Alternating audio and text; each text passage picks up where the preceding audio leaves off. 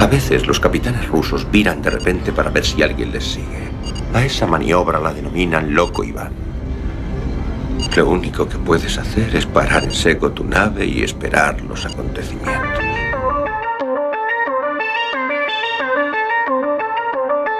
Galasphere 347 of Space Patrol calling unidentified ship.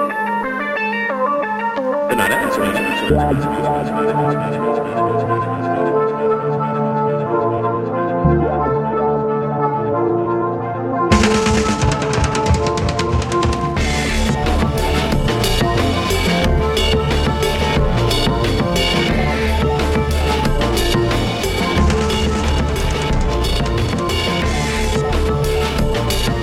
Moi boa noite a todos e a todas. Prepárense para pasar unha hora repleta de aventuras a bordo do submarino máis intrépido de toda a Unión Soviética. Esta noite Esta noite falamos de lúa, de lúa chea, de lúa en eclipse penumbral, porque non saberán todavía a esta hora do programa o que é, pero vámonos a ver logo. É, é algo que poden ver agora mesmo, se nos están escoitando en directo, que pode ser que non, se nos están escoitando en directo, saian pola ventá ou ou saquen a cabeza polo periscopio, eh, entón verán ese eclipse eh, ese eclipse de nome que non recordo, penumbral, penumbral de lúa. Eu cando digo penumbral me veño arriba. Xa saben, ademais, teremos noticias, música, relato non sabemos se nos dará tempo, pero vamos falar moito, temos ao noso asterónomo de cabeceira, o gran Borja Tosarovich. Moi boa noite, Borja. Noites, que tal? Noites pois, de eclipse. Noites de eclipse que non de eclipse. Eh, Xa saben que nada disto sería posible se non tiveramos na sala de máquinas. Ao señor Bugalov.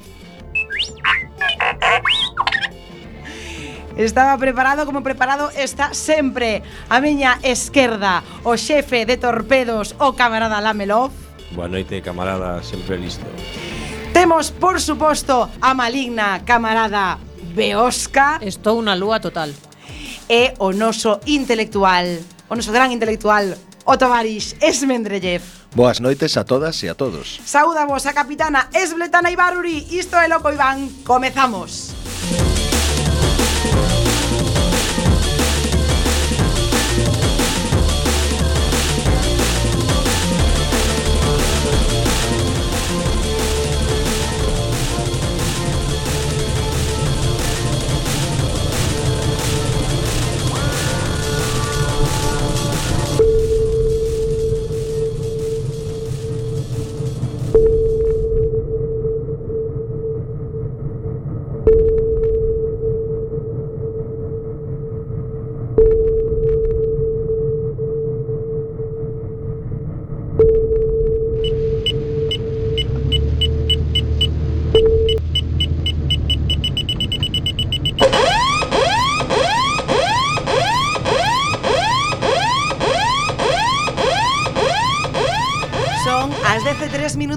se nos estás escoitando en directo. Se non nos estás escoitando en directo, pois espero que sea unha hora boa a que pases. Antes de nada, por se nos queredes insultar eh, telemáticamente, eh, pois eh, a onde nos teñen que chamar? Eh, vou empezar por redes sociais. Pois por redes sociais podes facelo en arroba cuac eh, eh, FM. Y arroba loco Iván. Eh, perdón, arroba loco Iván Coac. arroba que Iván Coac, eh, tanto en Twitter como no Facebook. Se esa eh, que abrogas, xa sabes. Bueno, eh, se nos quixeran en concreto, se por exemplo quixeramos eh, insultar moito a Mendrellev porque, bueno, pues, por, polos seus comentarios contra diversas razas como a chinesa, eh, se quixera facer esa comunidade chinesa, quixera dicirte algo, a onde tería que escribirnos? Se a comunidade chinesa quere dicirme algunha clase de epíteto en resposta ás miñas antiguas declaracións sobre tan e etnia, pode facelo no WhatsApp ou no Telegram no número 644-737-303 644-737-303 Admitimos inda que o fagan desde un Xiaomi, non pasa nada. Pode chamar un, pode chamar algún delfín tamén. Efectivamente, ese quixeran eh, chamar en directo? pois se quixeran chamar en directo, se por exemplo un golfiño quixera falar comigo por algún tema, pois non ten máis que chamar o 881012232. 881012232. Bueno, pois é unha noite na que esperamos os vosos insultos e as vosas eh, chamadas tamén con esa finalidade. Eh, vamos eh, correndo xa. Eh, hoxe falamos de Lúa. Eh, temos aquí o noso compañeiro Borja Tosar, que logo nos vai a dar unha mm, clase magistral de, de alunizaxe, por exemplo, se tiveran a necesidade de, de pois de roubar ou claro. de atracar algún lugar. O, como, o da Praza de Pontevedra, ¿no? Do outro día. Efectivamente. Pero Eh, vamos con o camarada Esmendrellev que nos vai contar da lúa eh, na literatura, por exemplo. Home, pois, ose máis ben A ver, poderíamos falar de unha literatura, non? Hai grandes grandes obras que tratan sobre o tema, todo, de toda esa coñecida obra de Xulio Verne de, da Terra Lúa. A min gustame moito dentro da, da minería literaria antigua o Barón de Munchausen, no cal aparece, entre outras cousas, unha, unha fantasiosa viaxe á Lúa contada contada por este home. Eh, pero fíxate que Ose Capitana tiño día histórico, máis que literario. Oh, entón, Vaya. mira, Na, no mundo hai grandes persoas, hai persoas de merda, hai personas que semellan de merda, son grandes persoas, e persoas que semellan grandes persoas e son personas de merda. Eu quería falar hoxe de Werner von Braun. Non sei se vos son algún o nome. Sí. Ten nome de vendedor de das, seguros chinés. O das batidoras, non? Eh, un nazi, un nazi. Bueno, era un señor que axudou moito o desenvolvemento da coética estadounidense que levaría máis tarde a poder permitirse a facer a misión Apolo, que le diñería o primeiro home na lúa, pero bueno, que pasa co bo de co chungo de Werner von Braun? Pois que aparte deso tamén foi o desenvolvedor das infames bombas V2, as bombas autopropulsadas nazis que se utilizaron nos bombardeos de Londres e de outras cidades eh, eh, aliadas, non? Cando perderon a guerra estos nazis, pois como que se repartiu un pouco o cotagro entre os nosos e os yanquis, non? En realidade, os campos dos foguetes no reparto da conferencia de Potsdam pois foran nos asignados a nosa gloriosa Unión Soviética. Eh, viva a nai patria! Pero o nazi este pois determinou que estaba moito mellor en Estados Unidos e fusiu para entregarse aos yanquis valentemente ao final da, ao final da guerra, non? A nos importounos unha merda, porque nós atiñamos ao Korolev, máis coñecido no seu tempo polo nome de Inspector X ou Inspector Sefe, que era un tío da hostia, estuvo un pouco nun gulag, pero bueno. ningún sistema é perfecto. Que non pasou algunha vez por un gulag. Hai que facelo, é unha experiencia que deu, na vida. Que deu tan ben educadiño que mira que canto traballo vos fixo despois. Pero bueno. era un resort, que era muy largo. Claro. Era un resort. Era como Marina Dior, pero... pero a 30 máis o cero en lugar de 30 sobre cero. bueno, neste caso, Tampouco é que na gloriosa Unión Soviética non levásemos ningún destos científicos, non, pero non os, os tratábamos como a merda fedodenta que era, que entón obtíamos toda a información útil e logo andábamos cunha patada no cu de volta para Alemania a morrer de fame, non? Mentres sí. que no outro lado do Atlántico, pois recibiron responsabilidades xeógrafas, especialmente os implicados en programas de foguetes, non? Que era ciencia ciencia de moda. Foron 1600 en total, que foron captados nunha operación que se chamou Overcast, e no caso particular deste home de Von Braun, os yanquis determinaron lavar o seu pasado de esclavista, xa que o tipo este, aparte de facer o traballo de coética, tamén medio dirixía un campo de prisioneiros que eran quenes fabricaban as bombas e que pasaban pois regulero, non? porque aqueles sí que non eran que son. Bueno, pero hai que tener en conta que os estadounidenses teñen xa experiencia en, en blanquear esclavistas. Sí, a ver, é verdad. Bueno, eles blanquean calquera cousa. Ti, fíjate, ves unha boa peli como a de Kurosawa dos sete samurais e sacanche os sete magníficos que non é que este mal, pero é a de Kurosawa blanqueada. Ou podería, bueno, hai moitos exemplos de, de formas de, de blanquear que teñen os yanquis, non? Neste Michael caso aparte, Como Michael Jackson. Este comentario cuñado. Eu, eu que non sei é porque dis coética podendo dicir foguetería Sinceramente. Está ben, pois foguetería. Bueno, porque, foguetería, porque, porque, porque, porque Na miña aldea botar un foguete non é o mesmo do que estamos falando, sabes? Entón, pois Pero a, tiño que meditar. A, a polisemia é moi divertida Ti botas coéticas. Bueno. Nena.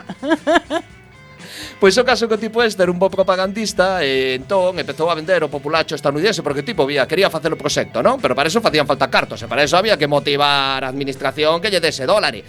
Entón o tipo empezou a aparecer aí na televisión, non? Dicindo que os comunistas estábamos a facer un programa espacial propio, que se non espabilaban lle comíamos a torrada e as papas na cabeza, que íbamos chegar primeiro. Non sei de onde sacarían eso.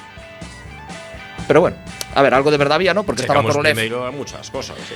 A iso, a iso vamos. O caso que o tipo estiveron a punto de otorgarlle a medalla de liberdade até que, claro, alguén acordou e dixo, "Eh, este tipo é un nazi, é un esclavista de merda, non podemos darlle tal que coñecemento que é dos máximos norteamericanos." E o tío jodeuse o invento. De todas formas, invito a buscar a foto da súa familia en Estados Unidos, donde se estableceu coa súa muller, porque xurobos que é digna de verse. Parece sacada do Home no Castelo, sabe? Esa serie esta, pois é unha cousa así, hai que velos a todos, son todos arquetípicos, é como se pillaras un tirolés destos do Como Do- do bueno, hiperespacio, ves, esta vez van ser os tiroleses os que, os que me chamen o teléfono. un tirolés destos da. Garida do Lobo e o transplantaras a Estados Unidos aí na metade na mitad do que é casa do Oklahoma. O caso que, bueno, efectivamente os americanos foron por azar os primeiros en mandar un home á lúa, mas nós non temos que sentirnos para nada menos cavados porque fomos os primeiros e case todo demais. Sí. Entón, a saber, primeiro, 1957, primeiro misil balístico intercontinental, intercontinental e lanzadero orbital, a EG-7 Semiorca. Uha! Uha! 1957, o primeiro satélite, o Sputnik 1. Uha!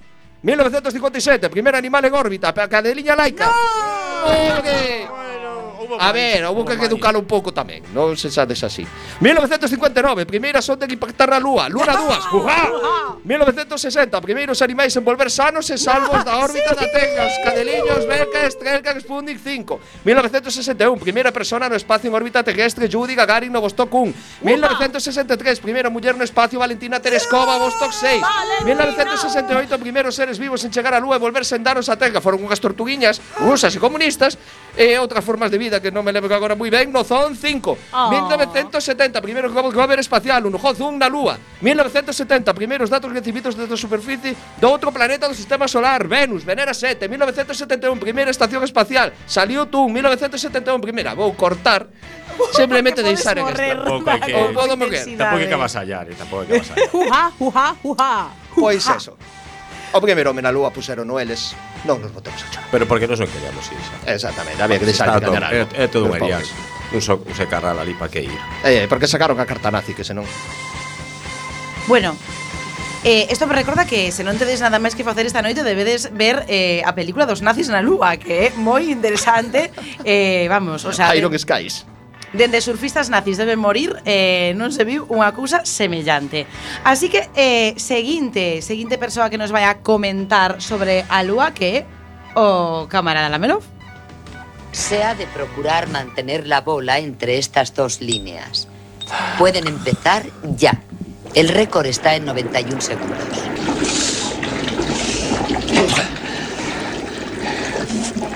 Falando Satisfyer.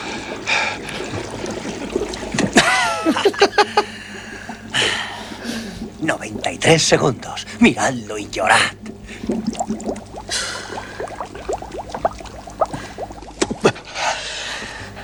Estupendo, Scott. Te felicito. Aún debías estar calentándote, John. Dudo que la próxima vez gane yo. Sí, ¿Habéis Satisfyer. oído? Habría que ser Estamos compitiendo con Tom y Jerry. bueno, pues, para variar un pouco que xa que o camarada falou pues, dos logros soviéticos, hai que falar dunha peli que fala pues, un pouco da tamén da gloria do noso archienemigo. Pero isto que é o mundo que ves ou? Claro. Sí, bueno, para... que pasa, José? Non somos os comunistas somos xustos, pero vamos, 100%. No, esa Ed Harris moi ben nesta peli, sí. Sí, pois pues, eh a película que se chama The Right Stuff, ou traducida, bueno, traducida realmente sería o que hai que ter, pero aquí interpretaron como Elegidos para a Gloria, que é unha película do ano 83 dirixida por Philip Kaufman, que dirixiu tamén pois os Body Snatchers, que seguro que lembrades baixo o título A invasión dos ultracorpos. Mm. Que está, bueno, a imaxe típica de Donald Sutherland aí sinalando, dicindo ah, bueno, pois que hai un, bastantes memes por aí tamén dirixiu Henry Jung que, bueno, que protagonizada por María de Medeiros a gloriosa María de Medeiros. Mm. Pois a película contaba con actores de renome como Dennis Quaid, Sam Shepard, Scott Glenn, Ed Harris, Fred Ward, Barbara Hershey, King Stanley ou Jeff Goldblum, entre, entre outros. E o que viña a contar era como se adestraba uns pilotos de proba das forzas aéreas estadounidenses para participar no programa Mercury, de voos espaciais tripulados, o que formaría parte do plan que levaría pois un ser humano á, á Lúa, non? Freddie Mercury.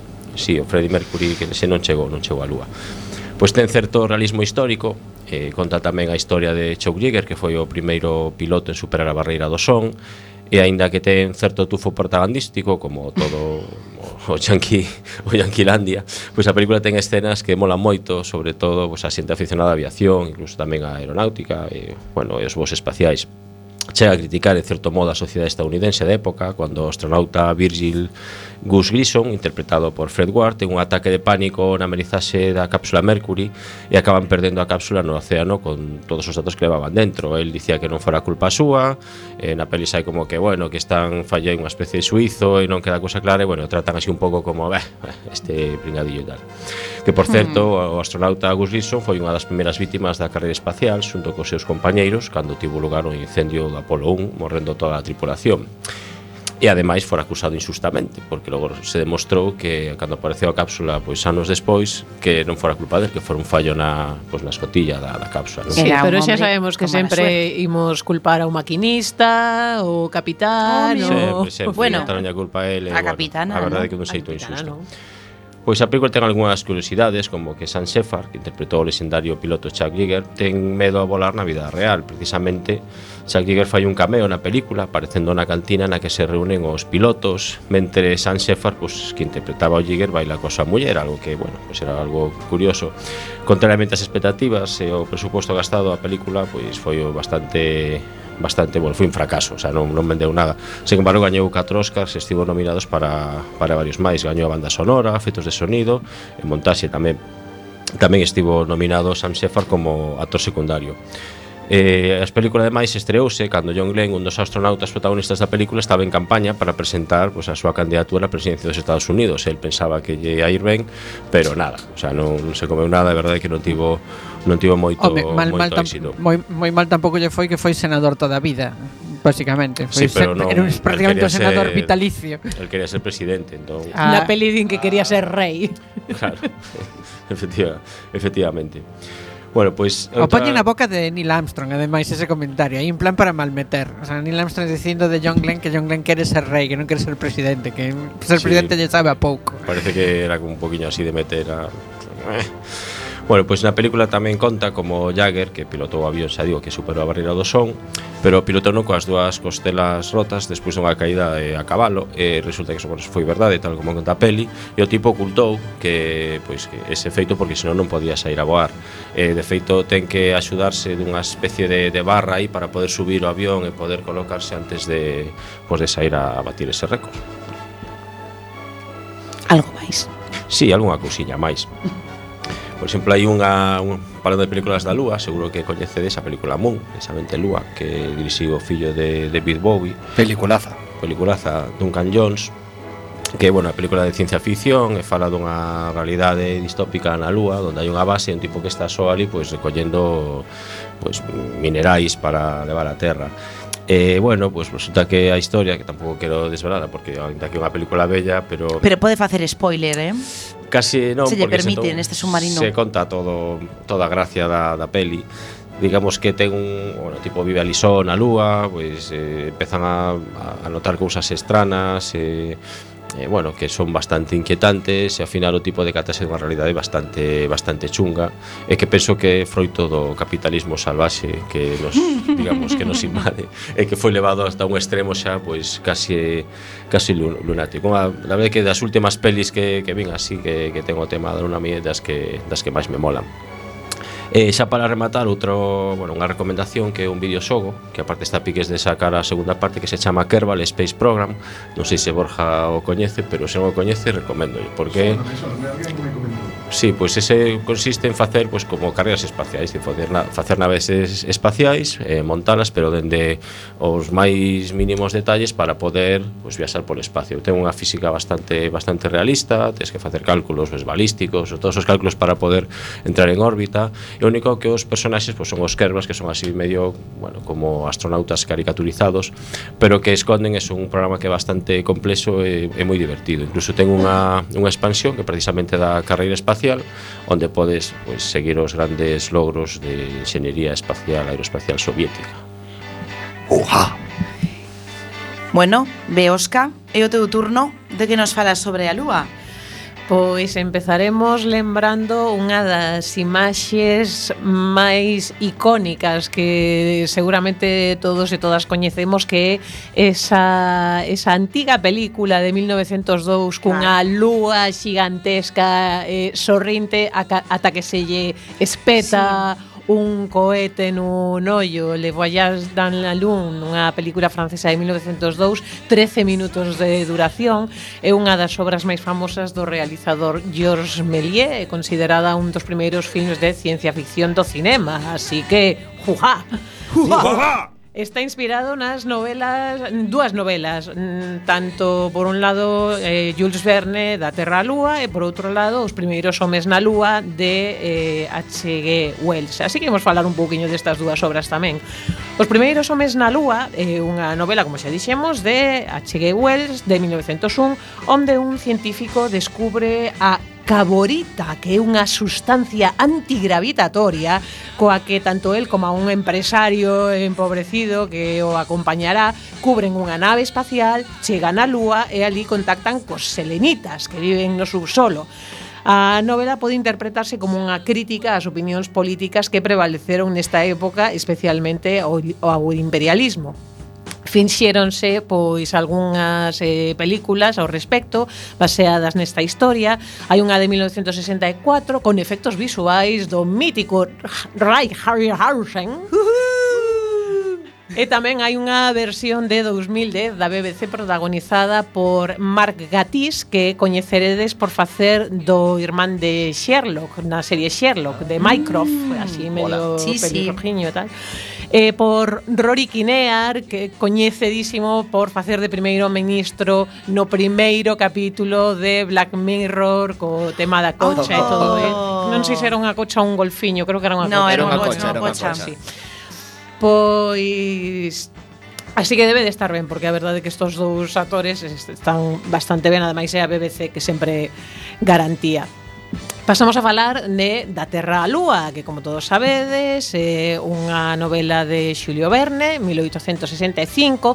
Por certo, o título orixinal era Da Terra á Lúa, ruta directa en 97 horas. Ué. Bueno, era menos directo, pero...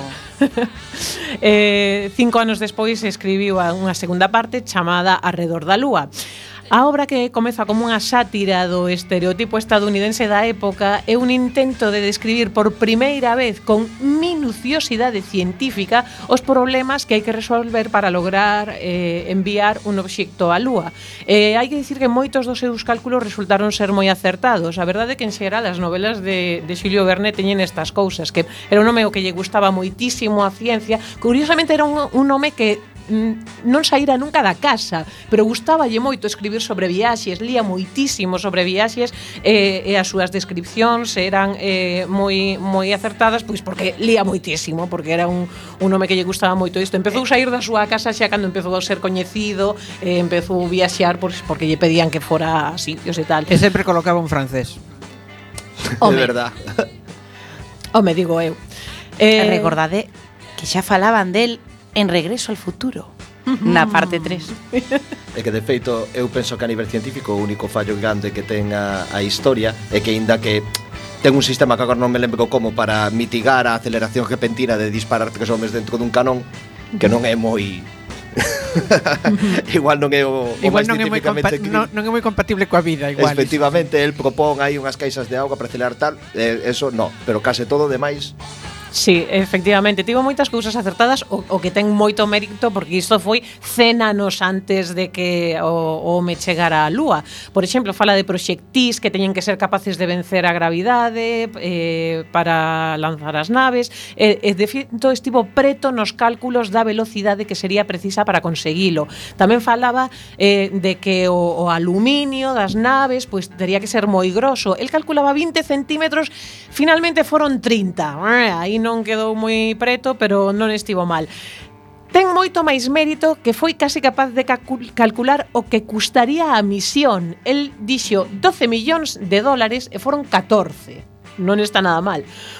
A ubicación do despegue el puña en Florida preto de Cabo Cañaveral, de onde saiu finalmente. Eh, tamén é certo que sabía que o lanzamento sería máis doado preto do Ecuador, porque a distancia á Lúa é menor e a atracción gravitatoria é menor. Mm, se non me equivoco.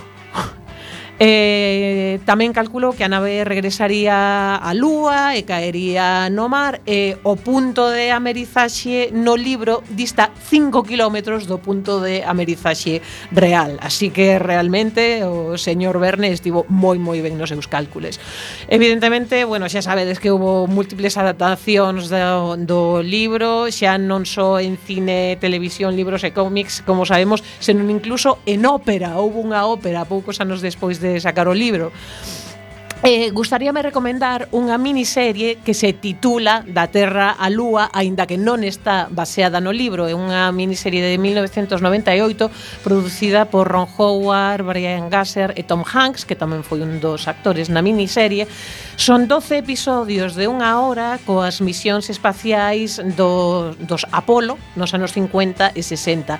Está moi ben feita, levou varios premios e o ano pasado, polos 50 anos da chegada á Lúa, foi reestreada e remasterizada por HBO, así que vos la recomendo porque a verdade é que estar está moi moi ben. Que foi un efecto secundario de Apolo 13, a serie eh, so, cos restos de produción fixeron Claro, un, todo se aproveita. Unha serie fantástica, saía Tom Hanks aí explicando uh -huh. toda a movida. Efectivamente, estrearan tres anos antes desta esta miniserie a película de Apolo 13 que tamén foi dirixida por Ron Howard, eh? así que entre Ron Howard e Tom Hanks Na que decidiron... tamén saía Tom Hanks Claro, claro, entón pois decidiron tirar un poquinho máis por aí Gustoulle o tema e seguiron un pouco máis Eh, para rematar, vou falar de Selene. Selene era a deusa grega da lúa. Eh, tamén, tamén era unha cantante de Sonia e Selene tamén era a cantante Sonia Selene, pero ademais o que nos importa porque é o realmente importante é que era o nome da amiga de Nancy que viña das estrelas, que era unha muñeca cojonuda de principios dos 80 co pelo verde, con reflexos plateados, chaqueta así de cor metálica, mallas negras con puntiños brillantes e botas e un medallón que facía que lle brillasen os ollos que eran dun verde galáctico. O que sí que non era deste mundo era o anuncio. Hola Nancy. Hola, ¿quién eres?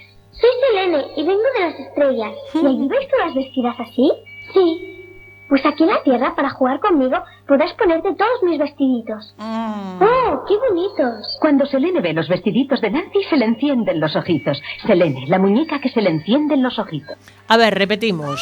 Selene vai vestida cunha chaqueta cor metálica, con mallas negras con puntiños brillantes e con botas e cun medallón que fai que lle brillen os ollos, e resulta que empeza a mirar os vestidos de Nancy do, todos cheos de lazos e de, e, e, e de puntillas e de hostias así, Ella, no, no, no, notase moito que isto era dos 80 ou non sei, do século XIX, no, no, no, porque, pero, no, no, pero, no. Ten, ten... Quen molaba era Selene. Xa, Nancy, pero mellor no. a Selene, Selene brillaban sí. os ollos por algo. Mm. Sí. Quero dicir... A ver que iba dentro do Igual medallón. era algo máis do medallón, sí. Ten en conta que eran os 80. Claro, son os 80. Ah, claro, tamén é certo. Se consumían cousas de moito Ai. consumir. Mm, sí, ah. Pois pues igual era por iso. Selene, sí. Bueno, eh, pois se queren que lle brillen os ollos, o mellor, oye, tomen o que queiran, eh, mentres escoitan a canción que nos trae o señor Bugalov.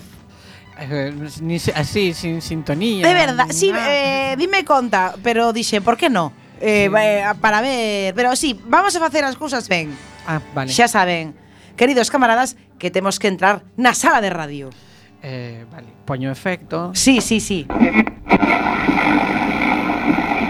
Ah, gustame máis cando hai un efecto así máis máis ceremín, pero bueno, está ben este.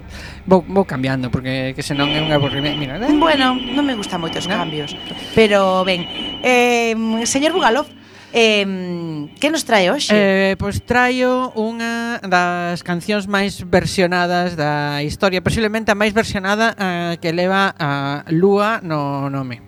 Eh, cantou esta canción Elvis Presley, cantou esta canción Frank Sinatra, cantou esta canción Hijo de la luna. Todo Quisque eh, non, non, non, non, non, non exactamente Seguro que seguro que ides recoñecer en canto en canto a escoitedes comezar Ese toro enamorado de la A luna. interpreta esta versión El sol se llama Lorenzo y la luna Catalina.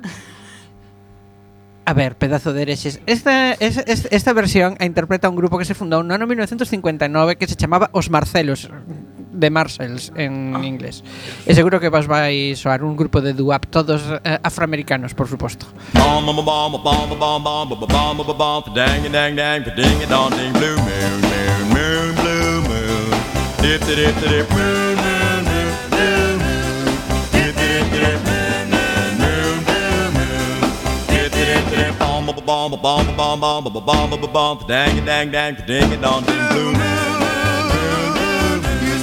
stepping in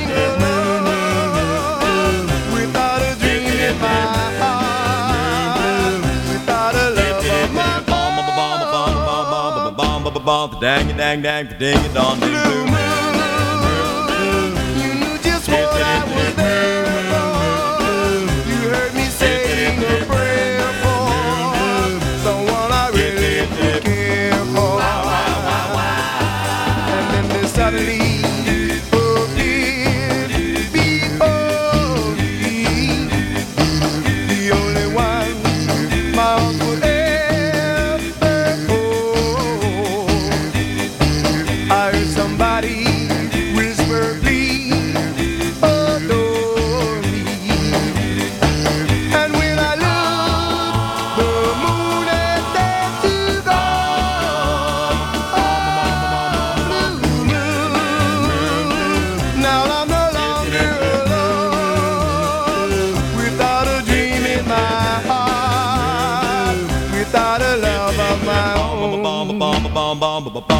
on, pa dang a dang dang, pa ding a dong ding boom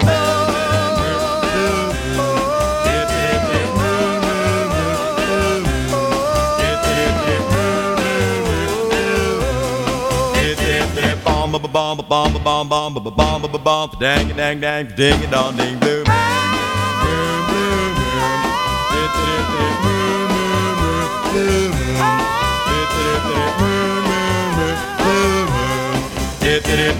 bomb ba bomb ba bomb ba bomb bomb bomb bomb dang dang dang ding dong ding blue moon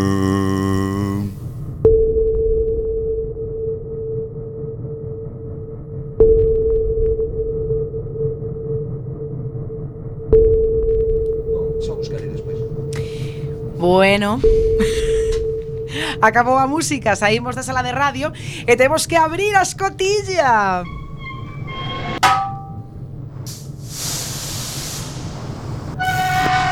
ahora, ahora. Eh, estaba habendo unha extraña fuga de, de uranio, pero abrimos a escotilla A verdade é que xa tiñamos a escotilla medio aberta antes, entrou un pouco de agua, pero tamén entrou Borja Tosar. Uh! Viva, viva, viva, viva, viva. Bueno, saben que Borja Tosar de feito eh, pode ser que nas próximas semanas eh, sexa investido con un cargo honorífico que sería, pois pues, non sei, xefe de Astrolabio eh, no submarino. Eh, sería un cargo, mm, bueno, pois non sei, terás que vir eh, pois unha vez cada tempada maiormente a falarnos eh, pois disto que máis controlas, que a parte do MUS eh, ven sendo ven sendo mm, o espacio eh, e a parte disto terás que limpar o submarino, por suposto, antes de antes de marchar, pois deixalo bueno, limpo. O de astrolabio me tiñas medio convencido de limpar o submarino. a, a dieta soviética basada en pataca, isla de pataca. No, xa non, non nin, nin pataca hai aquí xa. complicado limpiar. Oi, pataca, eso non nos vos tempos. Sí, efectivamente. Xa, te, xa, xa é máis máis serrín que que sí. pataca, sí. Exactamente. Pataca. É verdad. Borja, moi boa noite, benvido de novo ao submarino e falábamos o comezo do programa. De feito, dicía eu sen ter ningún tipo de coñecemento que hoxe eh, houbo fai uns minutos, hoxe se nos están escoitando en directo, eh, un eclipse perianal de lúa penumbral, peri, bueno, perianal, bueno, non sei se se valerá, va, a mí me vale. Bueno. Pero bueno, en principio no, no periódico hai que poñer penumbral para Vaya. non escandalizar a xente e tal. E si, sí, houve un eclipse, pero é un eclipse pequeniño. Non sei, de que saben nos medios de comunicación, a veces te venden como un eclipse algo super chamativo, os totais sí que son chamativos, os penumbrais eh, fotográficamente son fáciles de detectar ese baixa de brillo na lúa, pero a simple vista hai que ser moi experto, estar nun ceo moi escuro, é moi difícil de ver.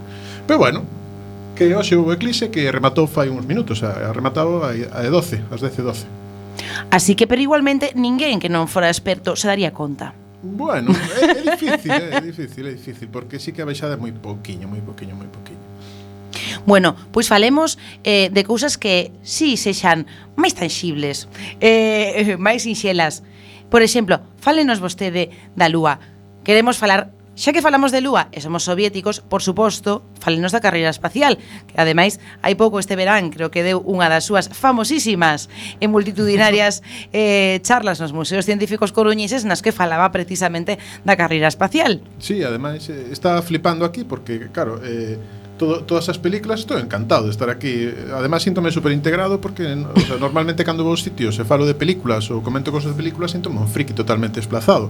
Ah, e chegou ao sitio. rodeado, somos todos igual de frikis. Sí, sí, vexo que me vexo bastante integrado non? Unha, unha película este, a charla esta que din a din sobre unha película que curiosamente falta no, no repertorio de películas que comentábamos uh -huh. antes que é eh, a película de Neil Armstrong, The First Man, que se saliu creo que o ano pasado, É unha película aproveitando o tirón do 50 aniversario da chegada á Lúa, pois sacaron unha película basada na, na figura de Neil Armstrong, non? E a verdade é que, con, con respecto a The Right Stuff, a película de Elegidos para la Gloria, eh, complementa a película.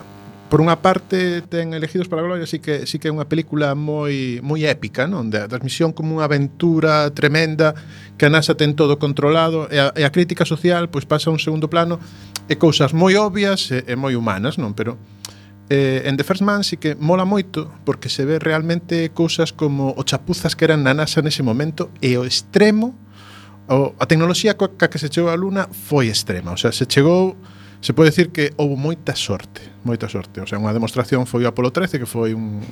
Ademais, foi un exemplo de como un fracaso total convertilo nun éxito total, non? Bueno, porque os americanos saben moito deso. No, de marketing, marketing estuvo genial, non? Pero o primeiro que hai que decir é que esa xente que, que subía a, esos, a, estos, a estos foguetes de foguetería, había que ter... Eh, tiña, eh, era xente que tiña, o sea... Pouco o sea, apego por la vida Sí, bastante pouco. O, o, bueno, eran pilotos, eran pilotos experimentales de, de avións novos e tal. Pero por unha parte hai moitísimo valor en todo isto, eso sale reflexado na película, que é unha, unha, unha anécdota que ten Neil Armstrong, que facendo mm. probas, ademais que uh, o que mola da película de First Man é que son as escenas das misións Apolo super ben grabadas, en, en plan cine, con escenas super chulas, e calidad HD, non? O sea, é, é ver, pero son clavadas. Eh? E hai un momento que está probando unha especie de, de trebello, que é unha especie de, de cousa que voa, que é unha especie de simulador de aterra, aterrador lunar ou alunizador.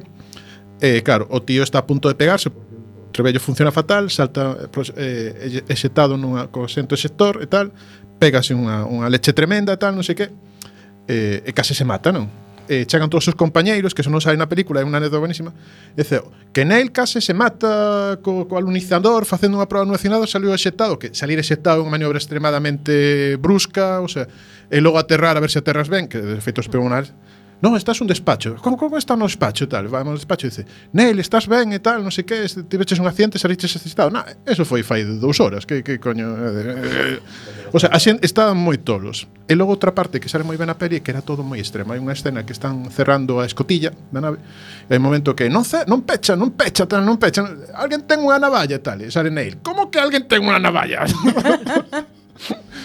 eh, eh, foi moi extremo a tecnoloxía que, que se chegou eh, antes, eh, antes de estar no submarino, eh, antes de entrar no submarino falábamos de o que puido ser e afortunadamente nunca foi, que foi unha colaboración de o glorioso povo soviético con o triste povo eh, americano. E por que non? Mellor con amigos. Mm, non, non, non, aquí non somos de colaborar. Non, non, non, No. No, ademais é, é que unha cousa hai hai hai unha cousa que sí que pasou.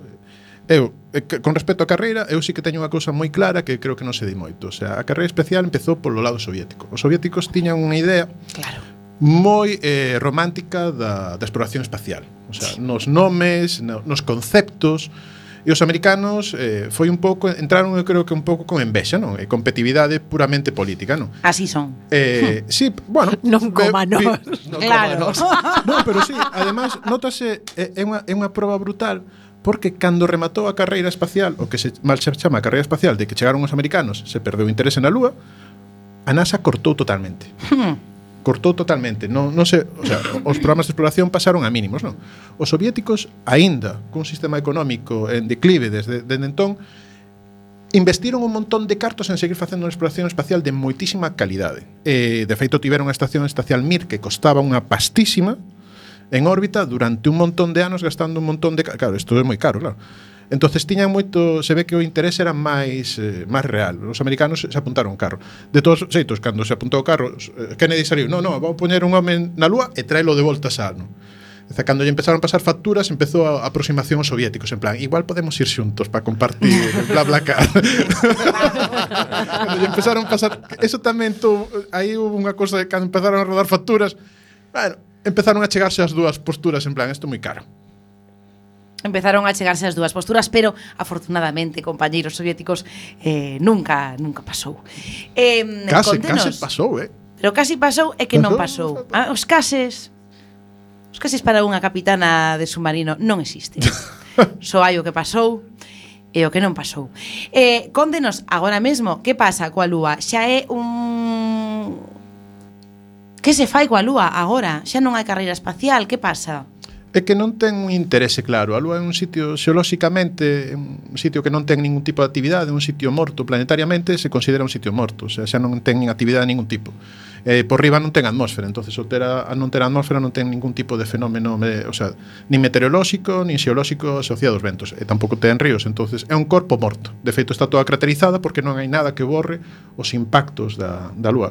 Te si colles a Lúa, que temos temos aquí unha Lúa na submarino chulísima. Que non la Claro, eh, na Terra hai todos estos cráteres igual, o sea, na Terra caen se minimizan algo pola acción da atmósfera que, que amortigua algo, pero a Terra caen un montón de, pero o que pasa é que a choiva e tal eh, e os ventos borran todos os cráteres de, da superficie. Entonces é un copo morto. Logo non ten cousas interesantes pode ter algún tipo de actividade mineral especialmente que sale na Pelimun que o helio 3, que é un raro isótopo do helio que pode ser definitivo a hora de facer fusión nuclear, non. Pode ser o combustible do futuro, non. Pero claro, é tan caro ir á Lúa sacar o helio 3 que aínda está cuestionado se realmente encontraremos unha forma máis barata de sacar helio 3 dos océanos da Terra, aínda que parece que a Lúa sí que...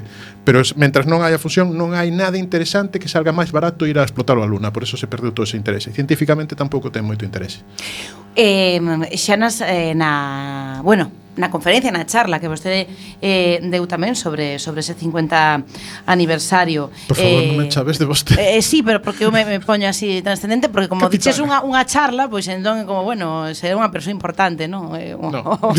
eh, pero eh, falaba tamén un pouco ou creo recordar eh, que falaba un pouco desa diferencia entre eh, pois eh, o traballo feito o tipo de traballo traballo ou, ou eh, feito por Estados Unidos, polo infame Estados Unidos, e o gran traballo feito eh, polos nosos compañeiros eh, soviéticos. Nos pode comentar un pouco a, a diferencia que había entre a idea de como se iba a chegar eh, a Lúa entre ambos?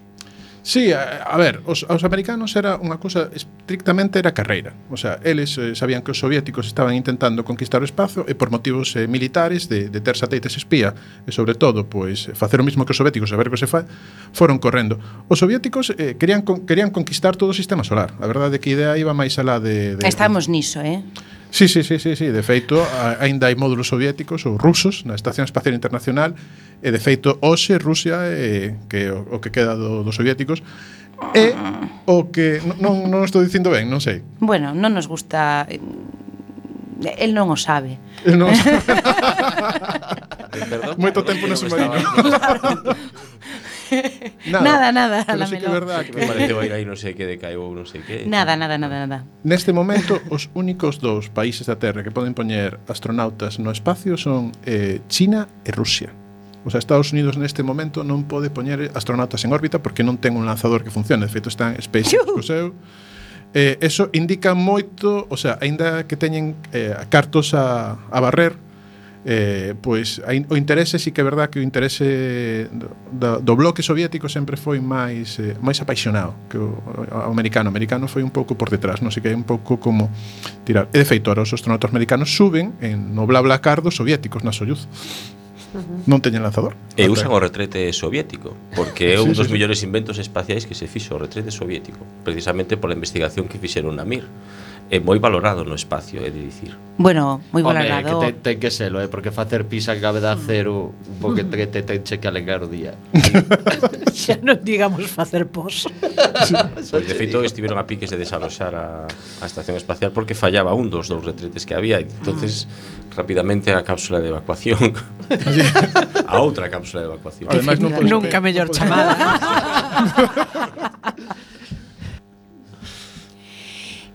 sigamos falando eh, con Borja Tosar. A ben xa se me foron acabando todas as preguntas que tiña, así que eh, invitaría aos meus compañeiros eh, do submarino a que tamén lle fixeran algunha pregunta sobre a lúa. Pois pues, voulle dicir que el tratou de dicirme algo nesta lúa que nos trouxo, que lle pedimos a lúa e trouxa para aquí antes, pero como son un pouco patán non me din de conta, entón que yo conte a todo, que yo conte a todo o mundo. Claro, estás falando de Ernest von Braun e, te, e aquí temos o cráter na lúa von Braun, por Ernest von Braun, que Así que deste insigne señor existe sí. un cráter na lúa co seu nome indeleble sí. para bueno, posteridade. Hai que decir que Von Braun aí ten, ten anécdotas moi curiosas, unhas, unhas anécdotas máis chulas. A ver, el, bueno, a ver, nos, nos tempos nazis sempre hai unha, un debate moi grande na ciencia con respecto porque os nazis no, no seu momento estiveron moi relacionados con ciencia e tal.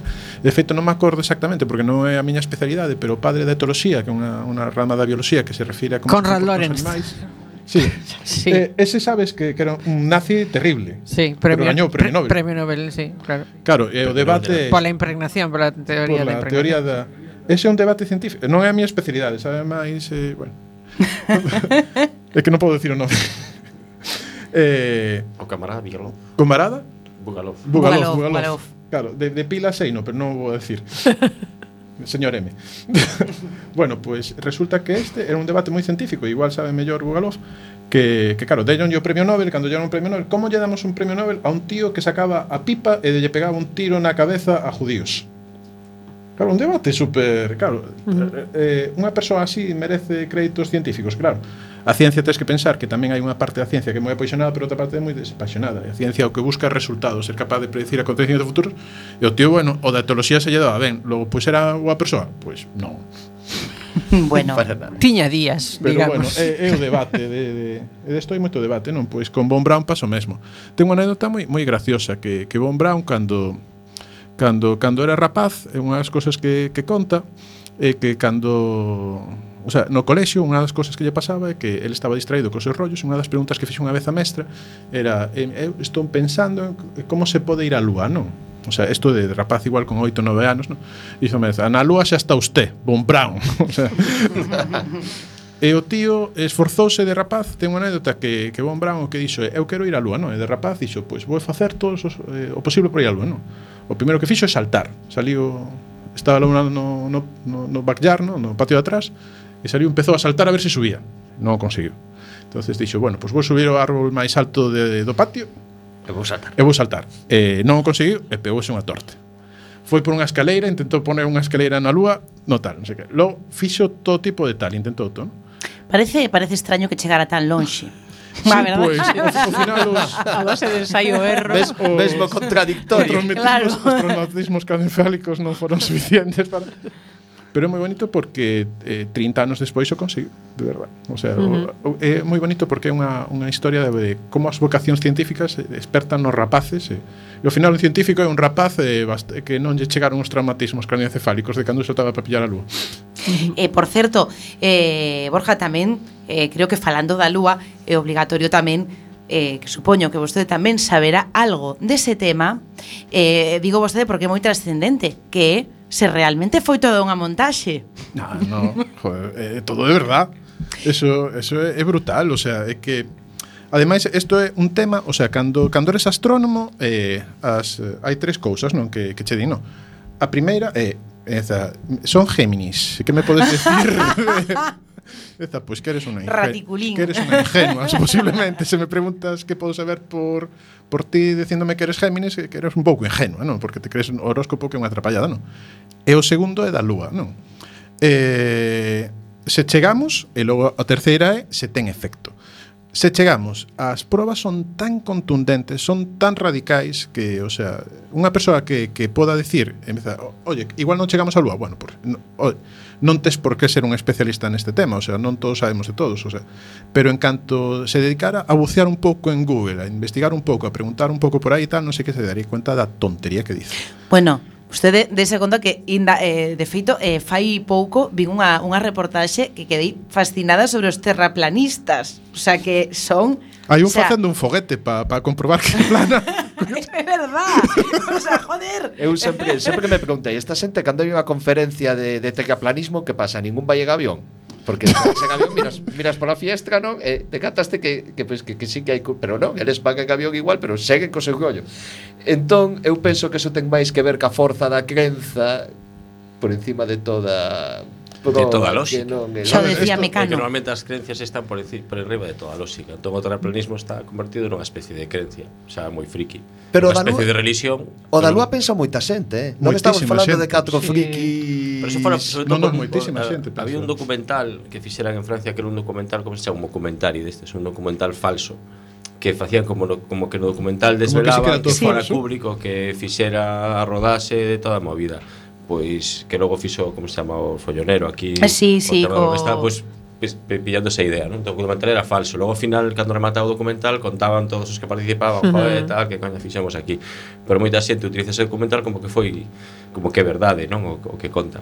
Entón, de aí, pois, pues, hai esa, esa especie de movida. Depois, ao máis que se fora mentira, os soviéticos serían os primeiros en dicilo.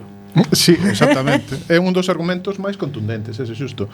Ademais, o, o seguimento do Apolo 11, o seguimento do Apolo 11 por parte soviética no momento foi extremo E de feito, o bloque soviético enseguida recoñeceu a alunizaxe eh, que a misión tripulada había chegado con éxito e felicitou Estados Unidos. O sea, eh, os soviéticos serían os primeiros que dían isto unha atrapallada e de feito ninguén se queixou ata, ata hoxe, non? E non só iso, se, se ti colles a, a xente implicada directamente no programa Apolo que estaba repartido en tres estacións, unha era en Robledo Chaveda, en Madrid, entre as estacións, eh, o sea, hai xente, hai españoles que estiveron, precisamente os españoles estaban recibindo a sinal de cando Neil salía do módulo, eh, cando alunizaba, o sea, estaba España conectada, non? Porque non podes conectar Houston porque a Terra vai rotando e non está en liña directa calúa e por eso precisamente fai falta unha estación en Australia, unha, unha en Madrid e outra tamén en, en Houston. Entonces, unha das cousas pasaba que implicados en tres estacións a nivel internacional hai un equipo directo de 400.000 persoas directamente implicados nos viaxes a Lúa Apolo. Ninguén ninguén saliu a desmentilo. O sea, 400.000 personas. O sea, ti ves o Sálvame, eh, e se hai un rifirrafe amoroso entre dos tíos coñecidos, o, o teñen por WhatsApp ali os de Sálvame en directo, non? Somos así os seres humanos, se, se eso fora falso saliría un montón de xente a decilo e xa estaría totalmente destapado. E logo o argumento brutal que a mí me, me gusta moitísimo é que ti si vas a NASA que tengo todos os vídeos e todas as fotos e todo da luna, que bueno, sempre hai a página web que te as fotos están trucadas por isto e por isto e por isto, e se faz un análise un pouco crítica te das conta das tonterías que dice, que son tonterías. Pero si ti vas os vídeos que teñen ali e que teñen vídeos de horas e horas e horas filmados da lúa que con ningún fallo O sea, a cantidade de material gráfico é suficiente como para probar eso. Para facer, decía unha vez Copegui, que era o que levaba a estación de seguimento de Robledo Chaveda cando chegaron as... Decía que para simular naquel entonces todo o material gráfico que había de fotografías, uh -huh. de órbitas, de vídeos, de tal, non sei que, para facer todo eso con esa precisión faría falta prácticamente unha maqueta do tamaño da lúa técnicamente. E nos apuntabas antes eh, dentro deses tópicos eh, sobre a lúa, aparte desa posibilidade desa, desa eh, a min fame moita gracia, non? Desa teoría da, da conspiración de que, de que nunca se chegou eh, a lúa. Esa influencia da lúa eh, nos partos, eh, na subida, na baixada das mareas, contanos. Pois mira, eu, hai un experimento que fixeron aquí nun cole de non me acordo exactamente o cole, pero era aquí, non sei se era o David Buján ou era un cole en, en Cambre, pero uns rapaces fixeron un experimento de ver se había efectos nas fases eh, con respecto ás fases da lúa con respecto aos nacementos, non? Os rapaces moi acertadamente foron ao rexistro civil, pediron unha listaxe de datos de xente que nacía, o sea, pois, xente que naceu en, en un período de, pois, non sei cantos, centos de datos, non fixeron a gráfica das fases da Lúa con respecto aos nacementos en un colexo de secundaria, demostraron que non hai ningún tipo de influencia entre os partos da Lúa che.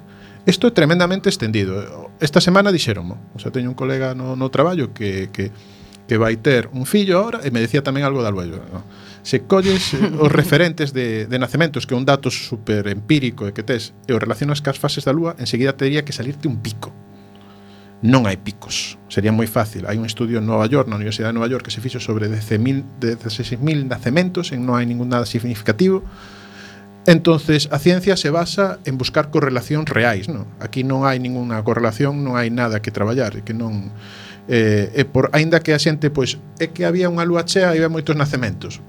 Científicamente non vale unha experiencia. O sea, tes que irte a un montón de datos. Eso pode ser unha casualidade, pode ser tamén te, ter algo de sesgo, non? De que ves moita xente e non te das conta que outros días igual tamén hai a mesma xente. Pero bueno, incluso as comadronas do Juan Canalejo unha vez en outro programa de radio decíanos que sí que había efectos e, pero os datos certo? son os datos, o sea, a ciencia funciona. É certo que, que xente que traballa en, en, en sanidade, non todas, pero sí algunha comentan, non? De, bueno, eh, vai a haber... Mm, pero moitos claro, lobisomes, pero... vai haber moitos lobisomes, eu que. Vai haber moitos sí. lobisomes Eso esta sí noite. Pero como científico ti tes que referenciarte os datos, non te vale a experiencia. Tes que decir, eh, oye, pois pues, é tan sencillo, famos unha, un Excel, unha gráfica e mo demostras. Vale, mira, unha última preguntiña. A min chócame moito o que me dis que na luna, no, na lúa non hai nada interesante, non? Aí fai pouco li, lembrome un famoso especulador científico que decía que se agora mesmo houbera un fin da civilización con tabula rasa, nunca se volvería a desenvolver unha civilización tecnolóxica, porque basicamente os minerais que antes eran accesibles en minas accesibles á humanidade sí. con pouca tecnoloxía, agora hai que cavalos moi profundo, buscalos tal, pero a lúa nese aspecto é virse. Logo, por que non podemos atopar ouro, uranio, eu que sei, algo que matadamente Selenio valioso. vas a, vas a atopar a bondo. A ver, a pregunta Selenio todo o que queiras. A pregunta é boísima, está moi ben planteada porque unhas cousas comentaba, é, non ten nada interesante e de momento non é viable economicamente ir alí. O sea, neste momento ter que desenvolver unha misión para ir alí, o sea, levar material de extracción de minerais, sacar alí un mineral e logo traelo á terra, é tan caro, é tan tan caro que, que compensa ir a Brasil ou ir a outros tipo de minas que hai. E, por exemplo, unha destas cousas que pasa é que na Terra todos os minerais por, por encima dun, dunha densidade son todos de impactos de meteorito. Por eso todo o litio está en sitios concretos e tal, porque nun momento foi todo o núcleo da Terra, non? Na Lúa sí que é verdad que está moito máis distribuídos os impactos de meteoritos e que é máis fácil sacar minerais, non? Pero neste momento o coste de ir a por eles é tan grande que neste momento non é rentable. No futuro, E con eso fago referencia a unha ciencia ficción que unha serie de ciencia ficción como como estou entre colegas que que me entenden, que de Spans falan precisamente de eso. Ai, de Spans, por favor. Encántame. Con esta última recomendación cortamos abruptamente a Borja Tosar porque xa son as 11 da noite, menos 4 minutos. Que pena. Así que temos que deixar de falar da lúa.